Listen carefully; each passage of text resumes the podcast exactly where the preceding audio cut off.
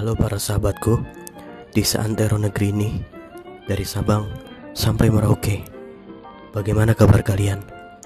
Semoga kalian dan seluruh keluarga Sehat-sehat selalu Serta dijauhkan oleh virus corona Dan semoga negeri kita segera bebas Dari wabah yang mematikan ini Dan siapa pun yang menciptakan Serta menyebarkan virus ini Segera diazab di dunia Maupun di alam kubur dan akhirat Amin.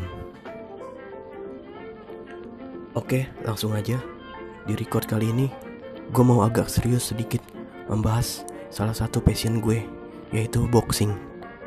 Bagi kalian yang hobi olahraga nih, khususnya di gym, sebagian dari kalian pasti udah mulai bosan gak bisa workout di gym dikarenakan lockdown.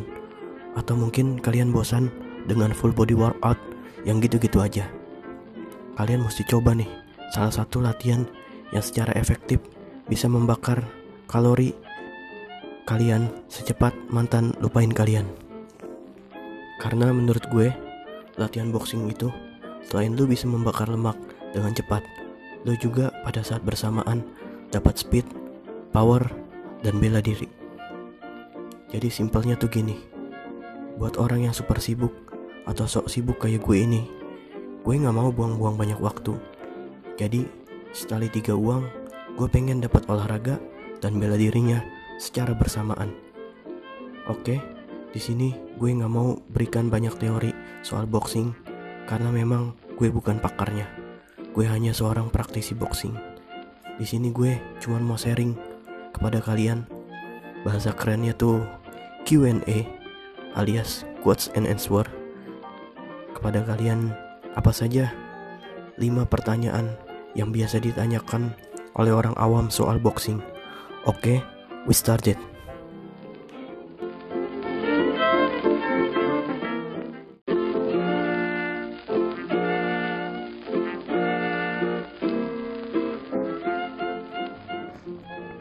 Oke, pertama-tama kita bikin dulu rangkuman pertanyaannya ya.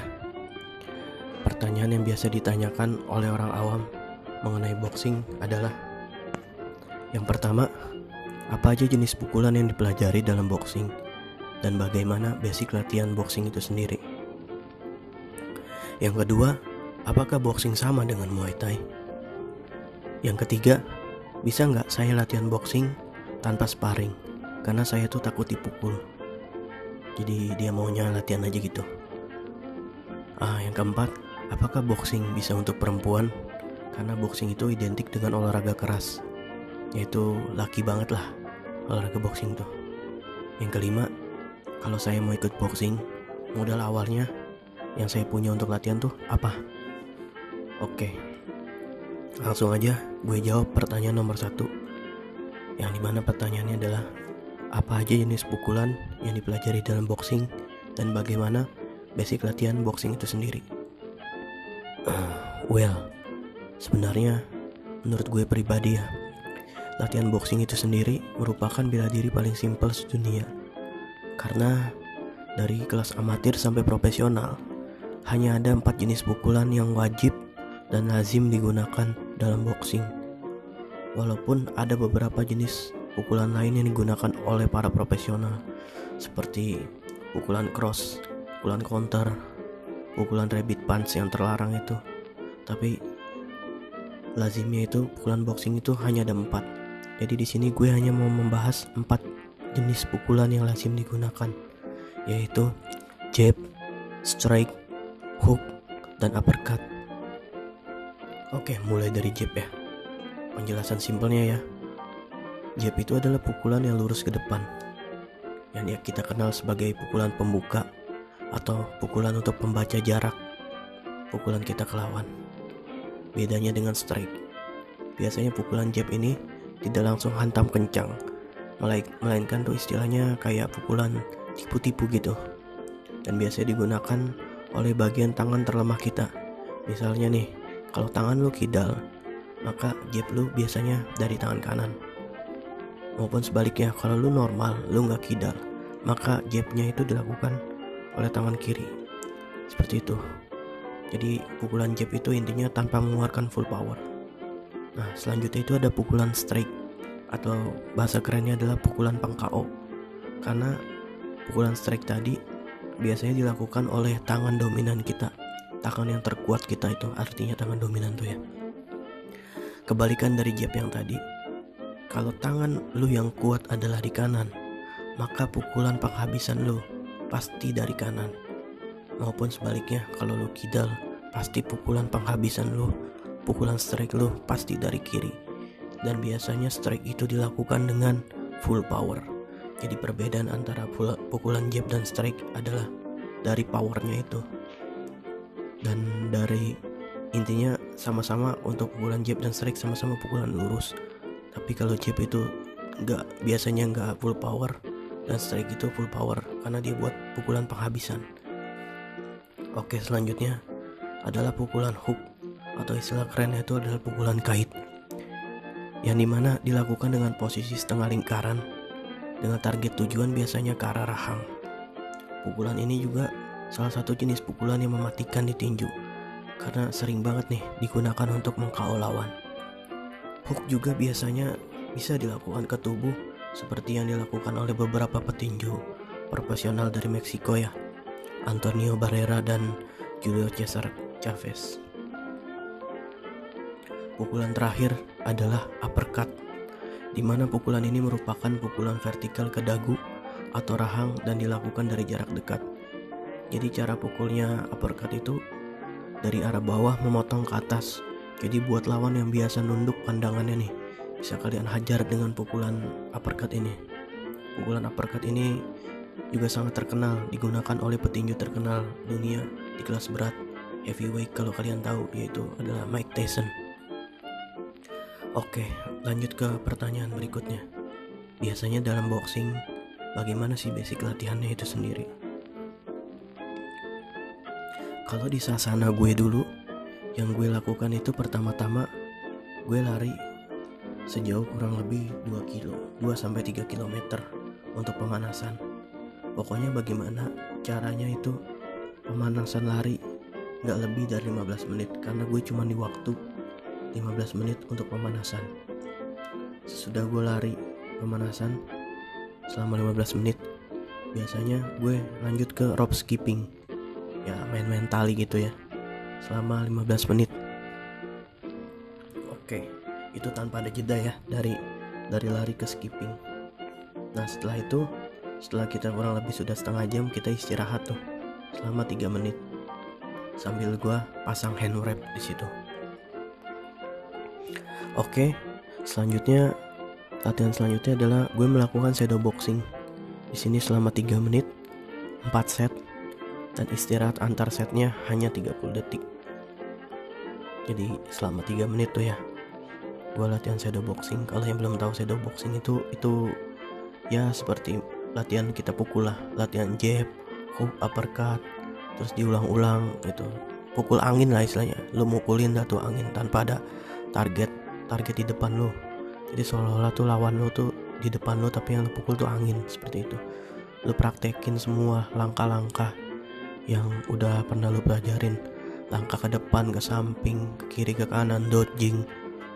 Pukulan lurus jab pukulan strike perkataan lain lo ulang-ulang dah tuh selama 3 menit 4 set. Dan istirahat antar setnya hanya 30 detik. Selesai lu pedo boxing uh, gue biasanya tuh pukul sansak selama 3 menit 4 set dan istirahat antar set cuman 30 detik. Jadi bedanya tadi kalau saya udah boxing lu pukulnya itu adalah pukul angin. Sekalian lu melatih langkah. Kalau pukul sansak nih lu ada targetnya. Jadi lu pukul bagaimana caranya sekuat tenaga tapi lu masih bisa bertahan selama 4 set tadi jadi jangan sampai lu kehabisan napas di set pertama gitu. Itu untuk pelatih stamina lu. Intinya tuh seperti itu. Terus untuk yang pukul sansak ini ya uh, setelah pukul sansak biasanya kalau misalnya ada sesi sparring kita tuh sparring tiga ronde dengan waktu yang sama dengan pertandingan profesional. Cuman bedanya kalau kalau di sparring ini kita hanya tiga ronde gitu. Tapi kalau lagi nggak ada nggak ada sparring biasanya gue latihan speedball speedball maupun full body workout. Jadi tentatif ya untuk yang ini. Karena biasanya sparring itu nggak setiap hari bisa seminggu sekali atau dua minggu sekali. Tergantung ada lawannya atau enggak karena kalau sparring itu biasanya harus lawan yang sepadan gitu. Kecuali lu memang mau pertandingan gitu. Lu mau pertandingan lu bolehlah untuk tes tes gitu sama lawannya yang satu tingkat di atas lu atau gimana gitu. Oke gitu aja. Terus untuk durasi latihan biasanya paling cepat itu satu jam paling lama dua jaman. Di atas itu menurut gue ya overtraining kecuali lo emang atlet yang kerjaan lo kerjaan lo tiap hari dari pagi sampai malam itu udah boxing. Kalau lo emang atlet profesional mungkin latihan lo bisa lebih dari dua jam. Oke untuk pertanyaan pertanyaan yang satu itu aja ya. Lanjut ke pertanyaan nomor dua.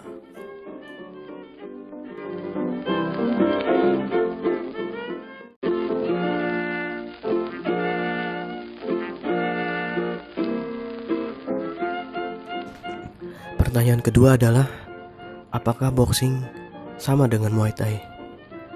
Jawabannya jelas jauh beda. Pertama, asal dari boxing itu kalau nggak salah dari Yunani dan dia berkembang pesat di Amerika. Makanya boxing itu adalah salah satu olahraga yang paling terkenal di Amerika. Dan kalau lo lihat rata-rata juara boxing itu pasti dari Amerika walaupun sekarang juga banyak juga didominasi dari Inggris seperti itu. Kalau Muay Thai itu berasal dari kerajaan Thailand, di mana saat itu Raja Thailand itu awalnya pengen punya pasukan yang mampu bertarung dengan tangan kosong untuk melindungi kerajaannya. Seperti itu. Yang kedua bedanya adalah dalam pertandingan atau latihan. Tinju itu lebih fokus ke pukulan, dodging, dan movement jadi gak ada tuh ceritanya tendangan di tinju ya. Sedangkan di Muay Thai itu ada tendangan yaitu high kick dan low kick. Serta juga di situ ada serangan elbow. Belum lagi Muay Thai juga ada hook knee dan serangan-serangan lainnya seperti itu. Jadi intinya kalau di Muay Thai itu dihalalkan untuk menendang dan menyiku. Kalau di tinju itu tidak ada tendangan dan menyiku. Oke, yang ketiga biasanya untuk defense-nya ya para petinju ini rapat dengan posisi pertahanan yang rapat ala-ala peekaboo style. Walaupun ada be ada beberapa petinju outboxer yang pertahanan itu terbuka. Tapi biasanya itu hanya untuk memancing lawan untuk memukul biar segera di counter. Nah, kalau untuk Muay Thai ini biasanya bentuk defense-nya itu sikunya lebih lebar dan terbuka. Jadi itu untuk memudahkan serangan elbow.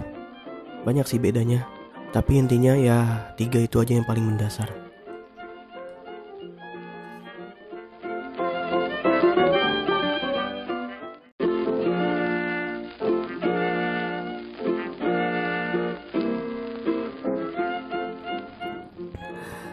Lanjut ke pertanyaan ketiga Bisa nggak gue latihan boxing tanpa sparring? Karena gue orangnya takut dipukul Jawabannya ya tergantung tujuan lo kalau tujuan lu cuma buat olahraga ya, lo tinggal latihan seperti yang udah gue jelasin tadi di atas. Lo juga bisa sendiri latihan di rumah tanpa perlu pergi ke sasana atau ke gym gitu loh. Karena pada dasarnya ya, olahraga tinju itu olahraga yang fleksibel. Dan lo harus tanemin di dalam diri nih ya. Tinju itu beda sama main bola. Tinju itu olahraga individual. Beda sama main bola, beda sama main, sama main volley. Jadi kalau latihan tinju lo itu lu nggak butuh motivasi siapa pun. Yang penting lu latihan sendiri. Itu lu udah bisa. Seperti itu. Tapi kalau tujuan lu buat pertandingan dan jadi profesional yang nggak bisa. Dan kalau tujuan lu buat bela diri yang nggak bisa. Lu tetap butuh lawan sparring gitu loh. Karena konsepnya bela diri menurut gue tuh gini lu jangan cuma mau mukul tapi lu juga harus dipukul. Biar lu tuh tahu apa rasa sakitnya dipukul dan bagaimana cara menghindari pukulan itu seperti apa gitu. Jadi intinya praktek dah langsung. Kalau lu mau jadi cepet jago ya sering-sering lah sparring. Karena menurut gue ya percuma lu latihan bertahun-tahun tapi lu belum pernah sparring sekalipun. Jadi istilahnya tuh lu belum teruji lah dan lu juga belum ngetes sejauh mana kemampuan lu. Karena yang biasa lu latihan sendiri itu targetnya itu objeknya tidak bergerak. Sedangkan target lu kalau bertarung itu adalah objek yang bergerak. Jadi pasti bakal lebih sulit. Seperti itu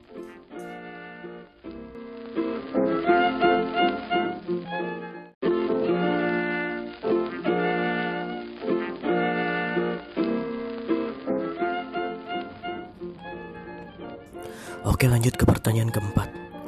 Apakah boxing itu bisa untuk cewek-cewek? Karena boxing itu identik dengan olahraga yang keras dan laki banget gitu. Jawabannya ya bisa banget. Karena seperti yang udah gue bilang sebelumnya Boxing itu olahraga yang setali tiga uang. Jadi lu bisa dapat semuanya. Lu nggak cuma dapat bela diri Lu pun juga dapat kardio dan bentuk badan yang ideal. Jadi buat cewek-cewek nih Khususnya kalau lu udah sering latihan kardio tapi nggak ada perubahan, mungkin lu bisa coba boxing selama sebulan dan lihat hasilnya. Lu bandingin hasil latihan boxing ketimbang latihan swimming lo atau cuman running lo atau lu bisa combine boxing dengan swimming dan running dan gym lo untuk lihat bagaimana hasilnya. Banyak juga ya di berbagai gym bukan sasana nih ya yang latihan itu cewek-cewek maupun yang private latihan itu juga kebanyakan cewek gitu.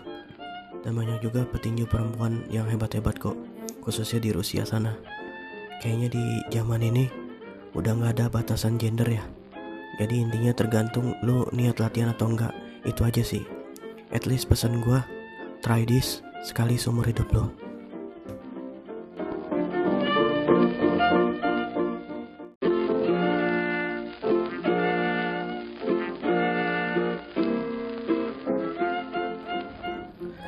Oke, well, kita masuk ke pertanyaan terakhir, pertanyaan kelima.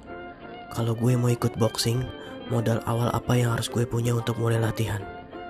Intinya semua latihan tuh sama aja. Modal awal yang paling penting itu adalah niat dan motivasi yang kuat. Karena tanpa niat dan motivasi yang kuat, latihan lu gak bakal berarti apa-apa. Tapi kalau pertanyaan lu adalah modal equipment apa yang wajib untuk pemula, oke menurut gua tuh equipment yang wajib itu sebenarnya bukan sarung tinju ya. Tapi yang pertama bisa lo beli adalah hand wraps. Lo bisa beli dah tuh di toko-toko online banyak kok yang jual. Hand wraps itu semacam tali pelindung yang diikat di tangan lo buat mencegah cedera. Jadi cara pakainya tuh dililitin di tangan lo kalau lo pernah lihat ada orang tinju atau orang praktisi muay thai suka melilit di tangannya itu itu namanya hand wraps ya guys. Itu fungsinya untuk melindungi tangan lu dari cedera. Nanti kalau lu ada modal lebih dan lu mulai menemukan passion lu itu sebenarnya adalah di tinju baru lu bisa beli sarung tinju. Cari aja yang murah. Nah banyak itu dijual juga toko online. Untuk perempuan lu bisa mencari ukuran 10 os dan untuk laki-laki lu bisa mencari ukuran yang 12 os jadi intinya latihan tinju tuh modal awal lu kurang lebih cuma 100 ribu kok. Gak mahal kan Oke, okay, well, gue udah jawab semua pertanyaannya nih ya. Dan pertanyaan terakhir, oke okay, bukan pertanyaan terakhir tapi pertanyaan bonus nih ya, yang biasa ditanyakan oleh orang awam nih ya. Kebanyakan, bagus mana boxing versus muay thai? Jawabannya adalah tergantung praktisinya. Sama aja kayak lu nanya, bagus mana pencak silat versus Wing Chun? Bagus mana Wing Chun versus karate?